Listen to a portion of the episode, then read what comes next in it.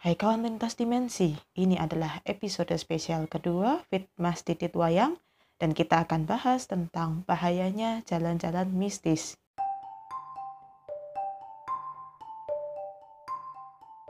Akhirnya ya, podcast Lintas Dimensi bisa mengadakan ngobrol bareng lagi dan kali ini kita bersama Mas Didit Wayang atau yang biasa disapa dengan Mas Didit.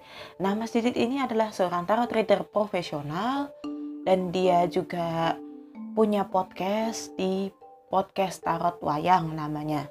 Dan kalau bagi kalian yang mau mengenal lebih lanjut tentang Mas Didit ini, silahkan bisa buka di Instagramnya Mas Didit, yaitu Didit Wayang.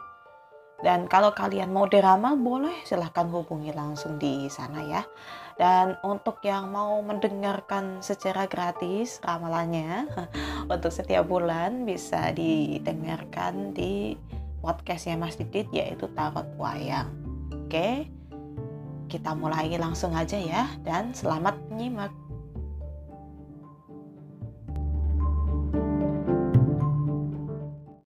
Yes, halo.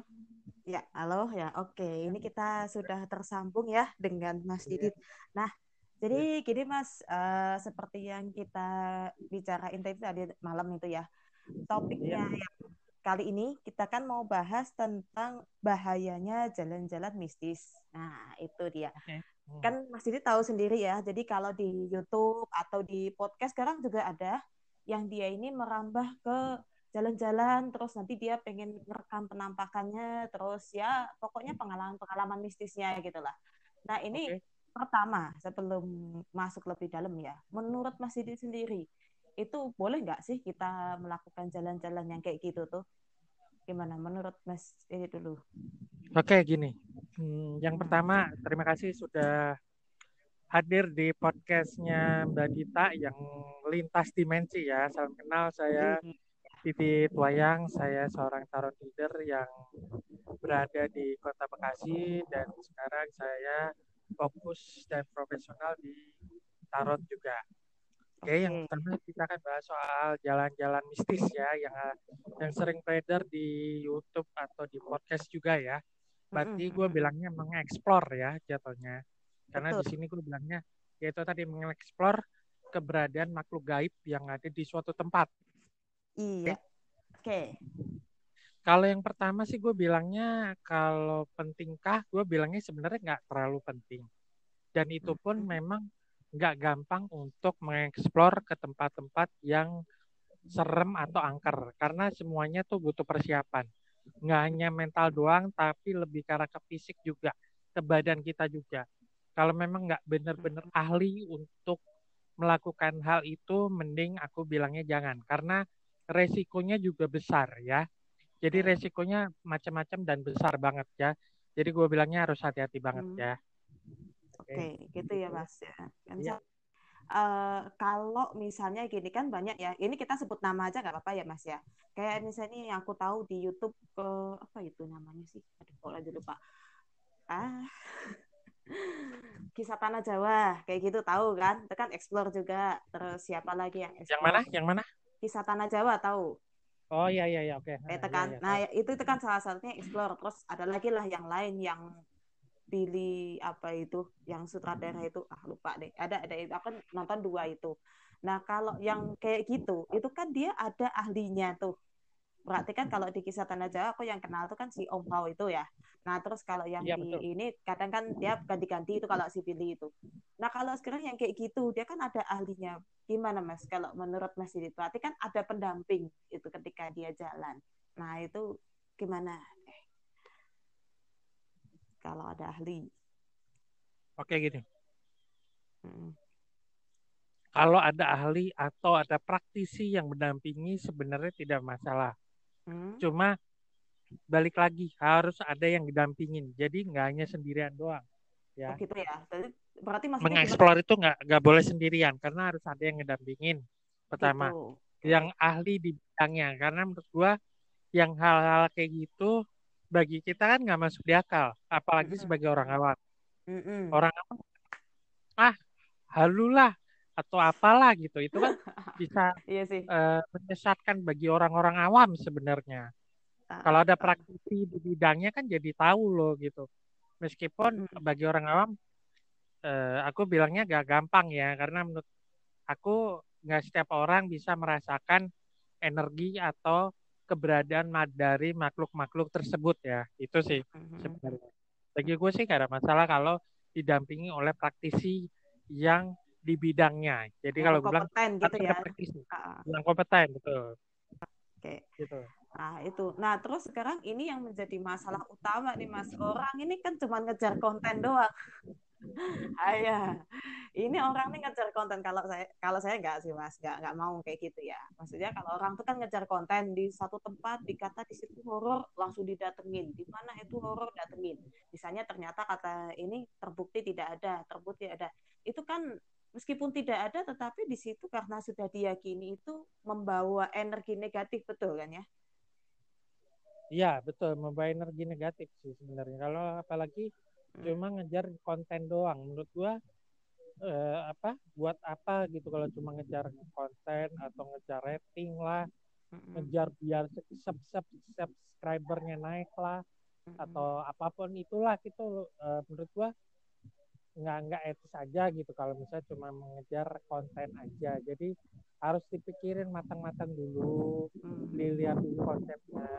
Kalau bisa ada ahli di bidangnya. Jadi nggak hanya sendirian aja gitu jadi kita kita sebagai orang awam nggak nggak akan tersesat dengan dengan konten itu gitu loh Hmm. Nah, terus Mas sekarang gini, kalau misalnya tetap ada yang nekat tuh mau bikin konten yang semacam itu, apa yang harus dipersiapkan? Ya, selain ini ya, selain yang uang, terus makanan jelas, atau mungkin kalau dia butuh nginep, pakaian, dan sebagainya gitu. Selain itu apa lagi?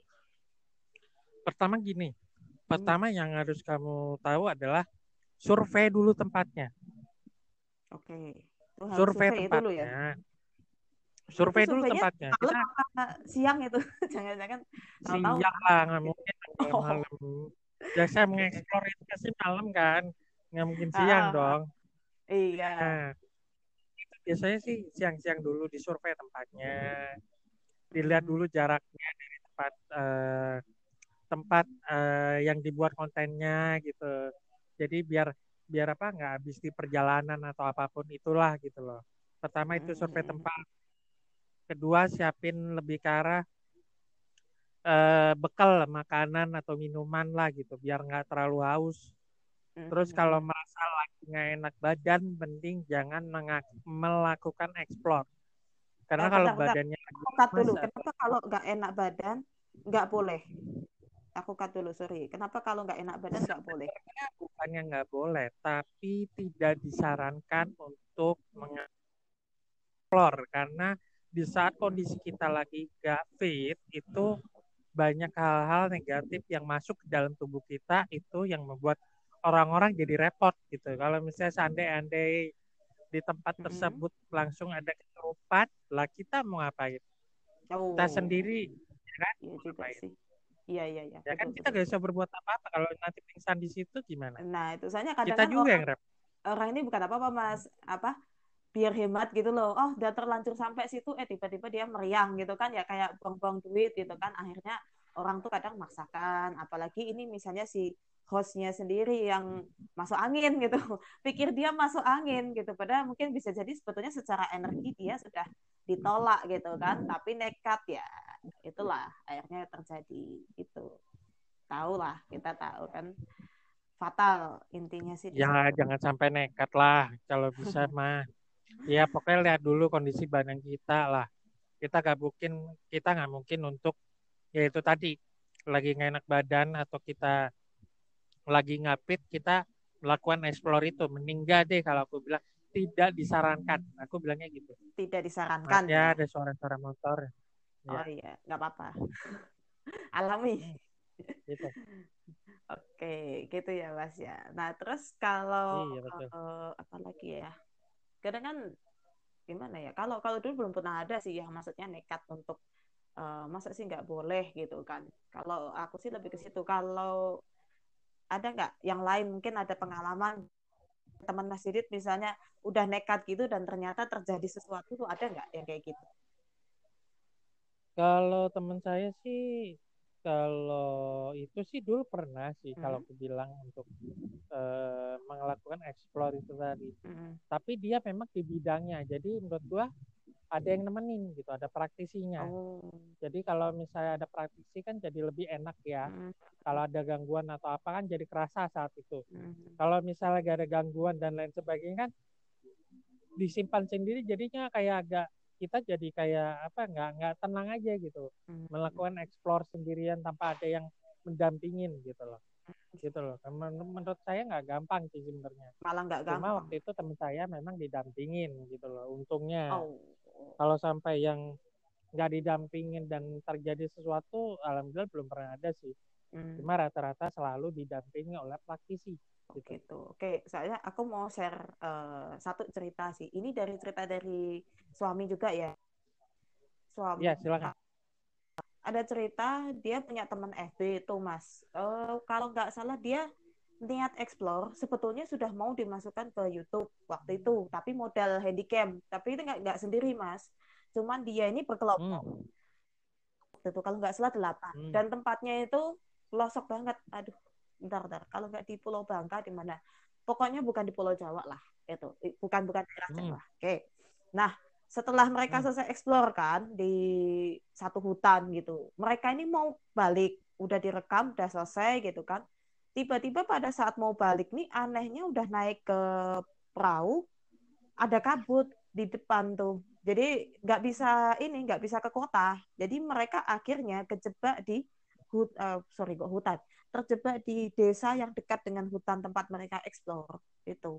Dan mereka Hmm. nyari satu bulan loh mas, nggak bisa pulang, bayangin aja. Padahal orang-orang itu kan waduh nggak eh, mungkin satu bulan hampir hampir satu bulan oke hampir satu Oke, bulan. Hmm. Nah, ceritanya waktu itu tanya lah akhirnya kan wah, kebetulan di desa itu masih bisa sinyal, cuma putus-putus untuk nanya ke suami kan, ini kenapa gitu kan?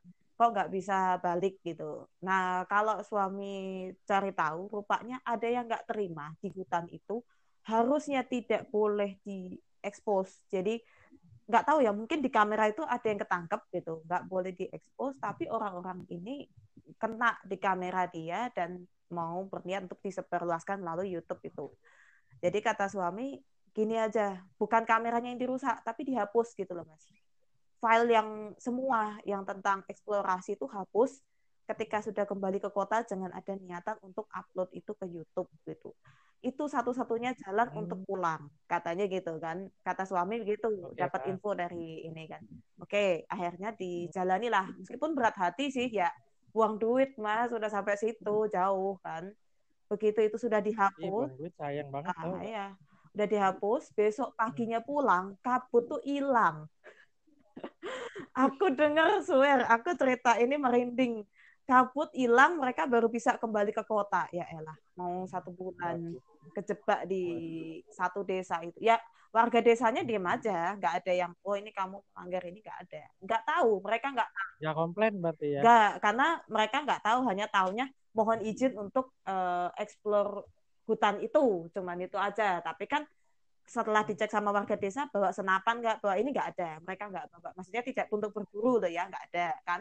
Hanya kamera. Hmm. ya aman lah. Warga desa kan nggak tahu waktu itu handycam buat apa sih nggak tahu. Oke. nah kayak gitu itu tuh terus gimana mas? Bayangin mereka belum sempat upload. Tapi tahu-tahu sudah dicegat dengan kabut yang ya luar biasa tebal. Nggak bisa ditembus sama sekali. Ya kalau kabut kalau ditembus iya. Kalau aliran sungai itu datar-datar aja pertanyaan kalau itu ternyata air terjun siapa yang tahu nah, itulah nah kayak gitu cuman- gimana tuh itu apes bayangin Oke, gini. Hmm. Memang ada dari beberapa desa atau daerah tertentu yang memang di saat melakukan pengambilan gambar tidak boleh terlalu terbuka banget. oh gitu ya Karena menurut warga desa atau siapa pun atau yang dituakan di situ Ah. mengatakan bahwa hal itu tabu banget untuk diperlihatkan emang kenapa karena Enggak, ini tabunya itu kenapa sih? tabunya ini kenapa ada hal yang memang tidak Tabu. boleh untuk ditontonkan di luar pertama nggak boleh diperlihatkan kedua nggak boleh diperlihatkan oh gitu memang ya, sudah aturan adat tabungnya ya. bisa bersifat macam-macam. Misalnya bisa bersifat positif atau yang bersifat negatif. Oh gitu. Positif maksudnya itu maksudnya lebih ke arah eh, positifnya buat ke semua warga itu tabu banget untuk dibicarakan. Oh. Cuma kalau tabunya yang negatif itu bisa menjadi malapetaka bagi orang-orang yang eh, mengambil gambar tersebut. Tapi kan ini di hutan loh mas, bukan di desanya. Desanya nggak nggak terekspos, kena. Cuman di hutannya gitu. Tapi ya entah ya dari penunggu yang ada di situ nggak terima gitu dengan mereka merekam hal itu gitu. Jadi ada memang makhluk-makhluk yang memang tidak mau direkam. Sekalipun sebetulnya nggak nampak. Ada makhluk yang nggak mau direkam memang sekalipun Atau secara ini ya nggak nampak itu atau. Kenapa mas? Gimana gimana? Iya, ada benda atau suatu tempat yang dikeramatkan atau disakralkan. Itu yang nggak boleh diambil gambarnya. Oke. Atau makhluk juga. Terkadang secara tidak sengaja makhluk itu masuk ke frekuensi kita. Biasanya seperti itu. Dan itu memang nggak boleh gitu loh. Kalau sampai kelihatan itu tadi gitu. Oh, Gitu. Itu ya. Terus ada nggak efeknya kalau seandainya masih terbawa itu yang terjadi kan misalnya dunia luar tahu. Terus apa? Bisa berbahaya ya bagi bagi mereka. sih kalau untuk efeknya sih sebenarnya macam-macam ya. Tergantung. Kalau misalnya dari daerah itu jadi positifnya adalah daerah tersebut nanti banyak dikunjungi. Hmm. Bagi efek dari orang-orang pasti akan melihat eh, tempat itu ya. Jadi semua orang jadi serbu tempat Hmm. itu. Iya. Cuma biasanya efek negatifnya sih biasanya eh, orang misalnya si yang rekam itu terkadang Mhm.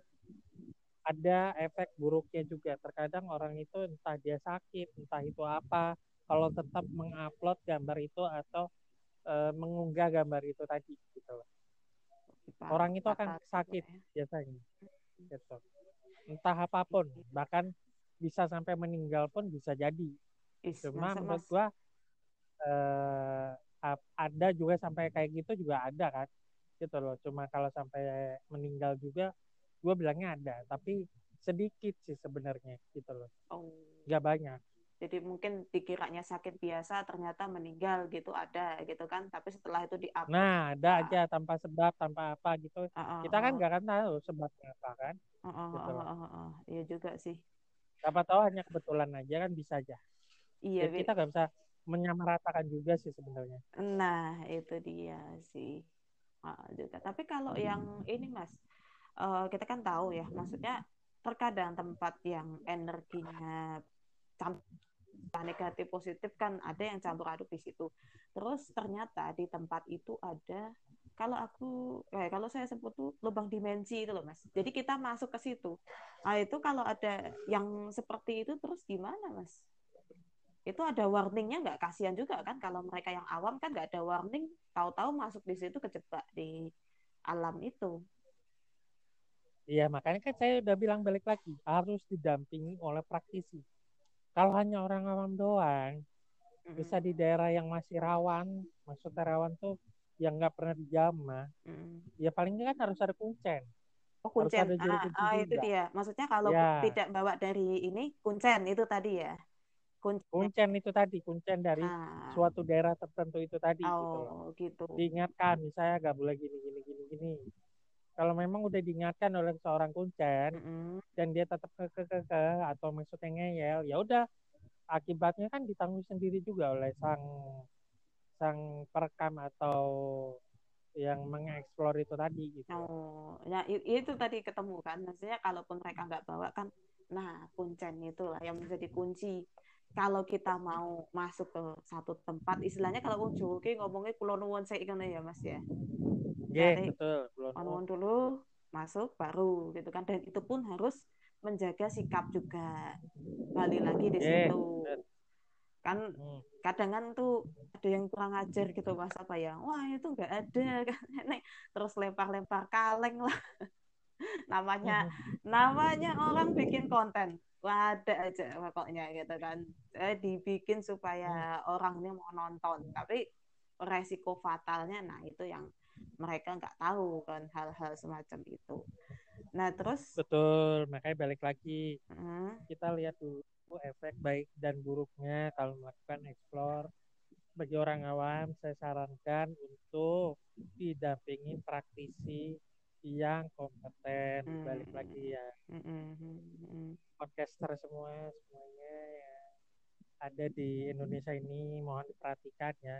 Bukan maksudnya saya melarang untuk melakukan eksplor tapi setidaknya kita menjaga-jaga gitu loh ya. Oke iya. Oke lah gitu. Nah, jadi kan biar kawan lintas dimensi ini Mas pada tahu. Jadi kalaupun yang mau mulai atau baru mau mulai kan supaya nggak sembarangan melakukan hal itu seperti tadi yang sudah disebutkan ya.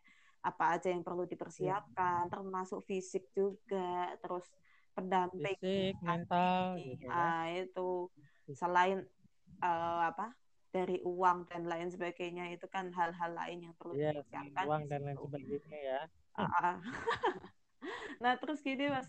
Ada pernah uh, aku denger nih tapi di podcast yang lain. Jadi dia ini setelah hmm. explore uh, beberapa kali kan kalau nggak salah yang ketiga atau yang keberapa tiba-tiba dia ini jadi sensitif mas. Sama uh, misalnya dia sensitif nih kok tahu orang ini mau bohong atau maaf misalnya tiba-tiba jadi sensitif di satu tempat ada makhluk gaib atau apa. Nah okay. itu kenapa kok jadi bisa begitu ya mas? Padahal kan gini, gini, awam ya kok tiba-tiba ya, dari sering explore itu tiba-tiba jadi oh kok gini ya itu kenapa itu? oke saya jelaskan secara ilmiah hmm. bagi orang manusia itu terdiri dari beberapa panca indera ya oke okay. nah di saat kamu mengeksplor sebagai orang awam memang di saat kita melihat sesuatu atau melihat makhluk memang ada indera yang memang masih ditutup ya mm -hmm. Tapi jika keseringan melakukan eksplor secara tidak sadar, tubuh kita itu masuk ke frekuensi mereka dan itu oh. makanya eh, DNA dari tubuh kita itu jadi berubah. Jadi dikit-dikit dia sensitif dengan hal-hal yang berbau eh, gaib karena keseringan kita melakukan eksplor oh. secara tidak sadar. Meskipun dia kadang mendenial atau memblok kalau dia itu nggak percaya dengan hal-hal seperti itu, mm -hmm. tapi lama-lama dia melakukan mengeksplorasi itu tadi, pelan-pelan tubuh itu akan menerima apa yang dia rasa itu gaib. Pelan-pelan menerima. Jadi tubuh kita tuh kalau sering kita mengeksplor itu tubuh kita awalnya kayak penolak gitu. Tapi lama-lama kita sering melakukan eksplor, tubuh kita akan menerima. Dan itu meng menularkan kepada sisi-sisi yang di luar dari panca indera itu tadi, yaitu indera keenam atau six sense. Oh itu bisa jadi kebuka ya mas ya? Jadi kebuka gitu. Oh. Kebuka otomatis tanpa perlu dibuka lagi atau melakukan ritual-ritual tersebut untuk melakukan pembukaan indera keenam. Berarti ya. secara kesimpulan, secara garis besar, terlalu secara garis bahaya. kebanyakan ya, betul. Ya. Hmm. Aduh, juga ya. ya. Iya sih. Tapi ini ini kalau menurut saya penjelasannya udahlah masuk ilmiah juga kan bisa diterima gitu ya dari penjelasan tadi. Iya betul. Nah itu kalau lintas dimensi yang masih ngeyel, ah itu resikonya. Nah sekarang yang menjadi masalah utama itu kalau misalnya begini kan saya nggak nggak terlalu sering. Misalnya dia sudah dibikin jadwal tuh mas. Seminggu sekali aja atau seminggu ini. Nah di satu waktu rupanya dia masih itu tetap bisa ya. Akhirnya indera keenam itu aktif sendiri ya. Meskipun dia oh, saya kan sudah terjadwal. Satu minggu itu tidak selalu sering atau tidak kalaupun hari. ada jeda sekalipun tetap akan tertular juga. Tetap ya efek itu. Tetap kena juga tetap kena. Karena kan ya itu tadi hmm. itu tanpa ruang dan waktu. Dalam arti mau ada seminggu jedanya atau sebulan tetap aja. Mm-hmm. itu tetap ketularan. Dalam arti tetap tubuh kita itu menerima hal-hal itu. Nah sekarang kalau gini mas. Gitu. kan misalnya ini sudah ada pendampingnya sudah di cleansing ya sudah dinetralkan tapi itu okay. masih nggak masih terjadi nggak? Kalaupun itu sudah dinetralkan saya sebelum pulang acara sudah selesai gitu kan uh, dinetralkan dulu tiap pesertanya termasuk kameramennya setelah itu mereka pulang semua. Itu masih masih ada nggak? Kalaupun. Kalau masalah itu sih sebenarnya kalau udah di cleansing mm -hmm. balik lagi dari kepekaan dari manusia itu sendiri. Oh. Kalau memang di cleansing dan dia normal lagi, alhamdulillah. Oh. Cuma kalau di cleansing dia dia dia tetap bisa melihat, berarti memang udah waktunya. Kita nggak bisa mau mau nutup pun kita nggak bisa juga. Itu nggak bisa gitu. ditutup ya mas ya kalau udah begitu ya? Nggak bisa. Itu kalau udah benar-benar kebuka, totalnya akan kebuka terus. Aduh. Sorry itu sih. Aduh, parah. Soalnya kasihan orangnya, bukan apa-apa mas. Kalau udah begitu ya. Iya paham, paham. Memang kasihan orangnya. Cuma mau. Itu kan dari dari eh gue bilangnya itu efek sebenarnya. Oh. Efek okay. sebenarnya. Efeknya seperti itu lu mau nggak mau harus terima resiko itu tadi mm-hmm. itu dari beberapa resiko itu tadi gitu orang itu jadi lebih sensitif mm. ya itu resikonya oke oke oke nah ini kan jadi membuka wawasan lagi nih meskipun itu adalah konten soalnya kalau di YouTube mas jujur aja sekarang ini lebih disarankan membuat konten yang horor itu. Makanya banyak banyak ini banyak konten kreator yang baru-baru itu terus mereka bikin konten yang begitu. Ya kalau cuma sekedar cerita horor kurang naik lah ya. Yeah. akan terus gara-gara disarankan yeah. gitu supaya traffic naik nah mereka buat seperti itu. Kalau di podcast ada sih cuman mereka kurang ya. Di Instagram ada gitu kan? Paling mereka mainnya ke Instagramnya untuk rekaman gambarnya iya yeah. nah, itu oh, iya juga ya terus sekarang gini efeknya untuk para penonton ada nggak? Ah, sudah dari Ini. pelaku sekarang penonton ada nggak efeknya mas? Kalau untuk efek dari penonton sendiri sih sebenarnya yang pertama eh, gue bilangnya nggak ada efek apa-apa sih sebenarnya. Hmm. Cuma kalau keseringan kita nonton explore explore kayak gitu hmm. jadi lebih sensitif menurut gue hanya 10% doang yang bisa bisa merasakan sensitif dari uh, nonton dari explore itu tadi. Hanya 10%. Kadang dan bagi orang awam pun kadang gue bilang apaan sih oh, nggak ada apa-apa. Nah kebanyakan rata-rata yang kayak gitu semua sih rata-rata. Gak ada apa-apa kok gitu. Tapi ternyata uh, ada. Ya, ternyata ada kan bagi orang yang bisa ngeliat. Soalnya kalau bagi orang awam paling rata-rata begitu. Soalnya ada Cuma mas. Gak, persennya uh.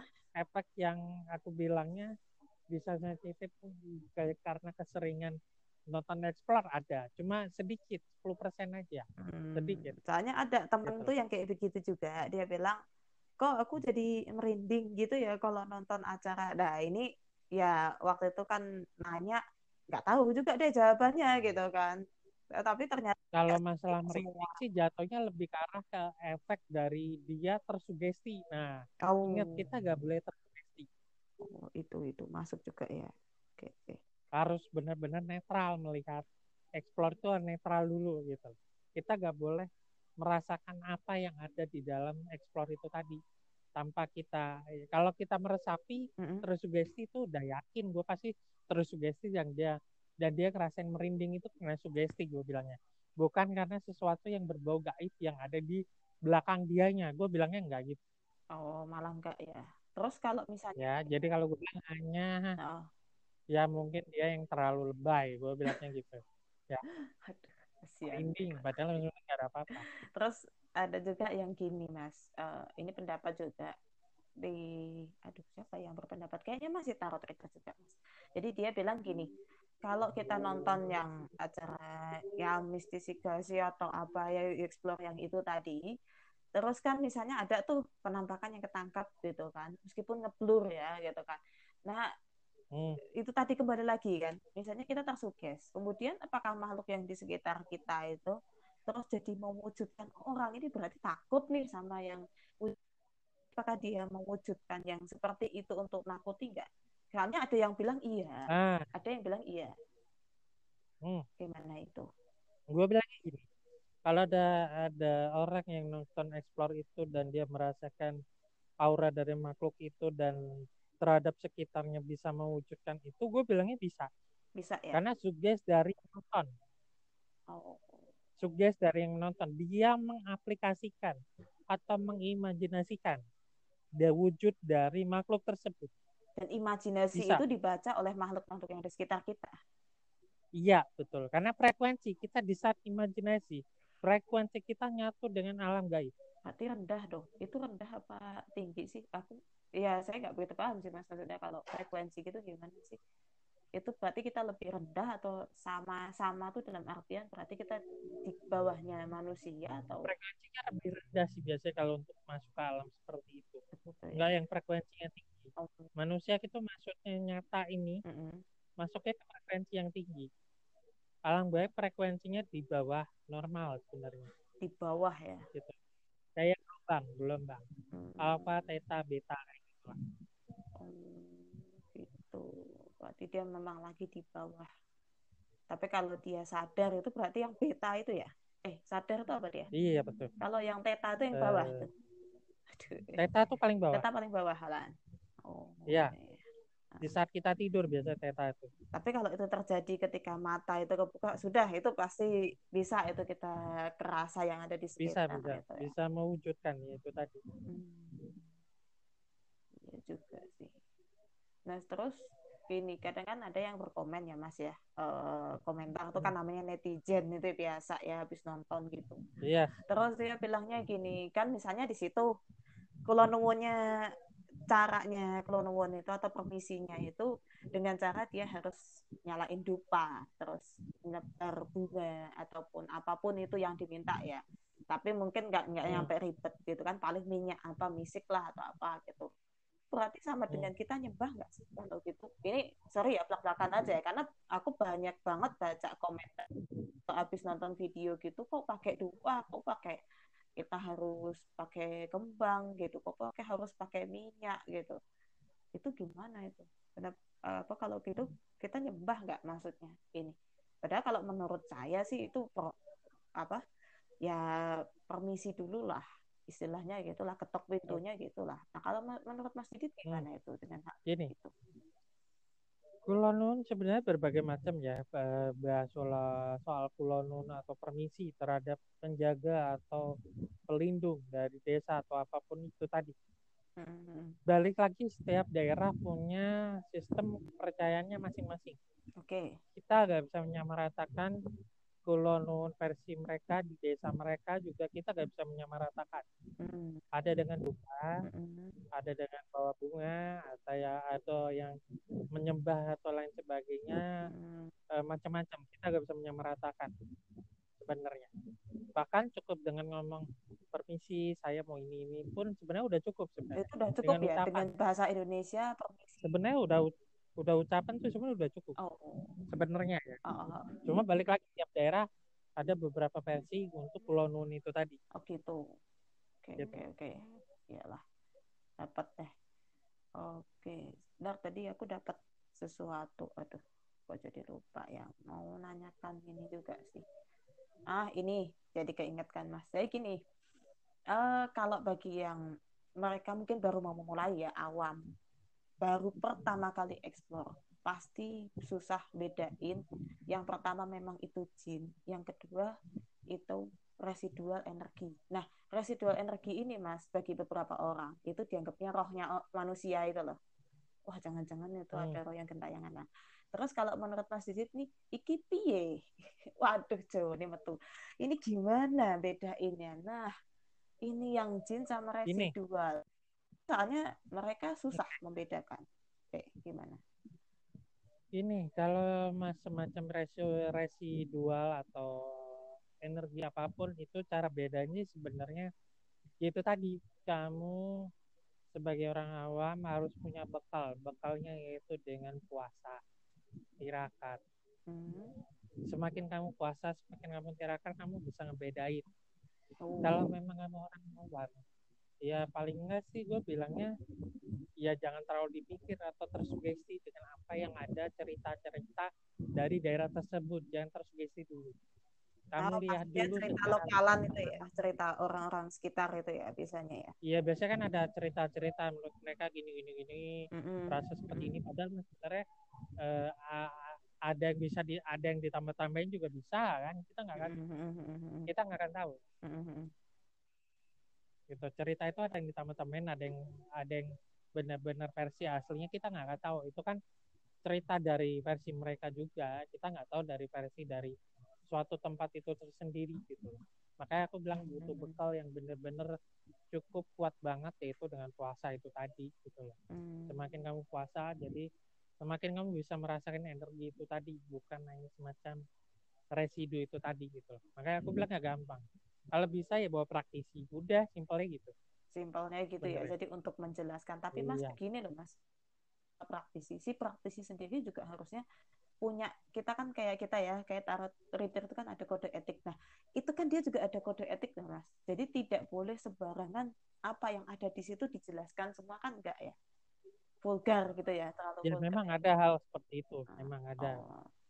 ada. Cuma kan balik lagi orang kan e, lebih ke arah cuek bebek itu tadi hmm. nggak peduli gitu hmm, hmm, hmm. jadi kan hanya tertentu malah kalau amalnya kayaknya lebih baik menjelaskan tentang sejarah dulunya tempat itu sebagai apa itu ya daripada kita Nah, ini lebih ya. tepatnya Maksudnya seperti itu dulu. Menjelaskan makhluknya ini lagi ngapain, lagi sekolah, lagi kerja. Waduh. ya, yang mereka sendiri juga terganggu gitu sih. Ya, iya makanya. Mendingan yang ditanyakan adalah sejarah dari tempat itu bukan karena ada apanya di situ. Hmm, malah itu gitu. lebih bernilai ya daripada kita hanya sekedar Betul. mengejar penampakan, ngejar mistisnya, fatal di belakang. Kalau kita hanya menjelaskan sejarah itu nggak akan terlalu ini ya. Masih kena nggak sih? Apa gimana? Maksudnya nggak terlalu apa? Terlalu bahaya nggak sih? Enggak ya? Cuman cuman sekedar sejarah dari tempat itu misalnya maaf ya enggak, gitu, enggak, bekas pembantaian gitu. Misalnya gitu. Nah, kalau pembantaian sih ya harus lebih hati-hati aja sih. Pasti hawanya pengap itu gue yakin. Panas itu ya. Pengap hawanya panas biasanya. Karena aura pembantaian tuh biasanya hawanya panas jadi bawaannya aduh panas banget sih eh, jadi pengen keluar. Nah ada hawa-hawa seperti itu. Hmm. karena kalau aura pembantaian tuh auranya benar-benar sadis panas gitu. Iya, aku belum pernah Bawaannya emosi juga bisa. Juga. Aku belum pernah tahu, iya. nggak ya. pernah mau explore serius. Saya penakut. Kalau lah enakan enakan begini aja bikin podcast ini sambil ini. Oh iyalah, sambil iya. daripada yang Sama begitu. Mulai bikin podcast kan, kan. Bahaya. Udah sebenarnya. Ah, sih. Hmm. Lagi kah yang mau ditambahkan atau kalau nggak ada kita tutup aja nih Mas. Uh, Oke, okay, uh, eh, pertama untuk teman-teman podcaster semuanya yang ada di sini saya sarankan jika kamu mau mengeksplor tempat-tempat yang angker atau apa pun itu yang dilihat adalah sejarahnya aja. Jangan lebih karena ada apanya di si tempat itu. Ya. Kedua, harus punya bekal yang cukup untuk melakukan eksplor kalau bisa didampingi sama praktisi yang berkompeten jangan sendiri. Usahakan kondisi badan kita juga fit segar bukar dalam melakukan eksplor. Yang ketiga yaitu tadi survei tempat dulu deh gitu loh. Kita lihat eh, apa seberapa eh, bahayakah gitu. Maksudnya kalau eh, yang uh, udah agak lapuk dan runtuh-runtuh ya sebaiknya dihindari aja lah. Kita nggak mau hal-hal yang terjadi gitu jadi jadi bumerang buat kitanya gitu ya. Hmm. temennya itu aja sih. Itu aja ya mas ya. Oh, kayaknya sudah ya. cukup deh penjelasan kita sudah terlalu banyak. Aduh kita sudah ngobrol tuh waktu loh ini sudah berapa menit ini. Oke, kita aja ya Mas Ditya, terima kasih. Ya, Sebelumnya siap, sudah ngisi. Kalau mau ini promosikan podcast atau apa boleh nanti kirim aja. Okay. Nanti ya. Uh, yang ya ya.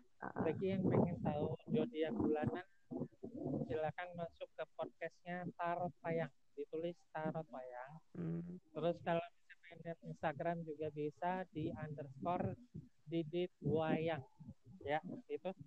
Nah itu ya. terima kasih mbak Dita oke atas waktunya. iya terima kasih juga. Kita ngobrol-ngobrol di podcastnya mbak Dita ya. Ya memang sudah banyak apa ini kita sudah merencanakan lama ya mas akhirnya bisa juga. Iya akhirnya ya tercapai ya. Iya oke. Okay. ya terima kasih mas Didit sudah sudah ya, sama bareng.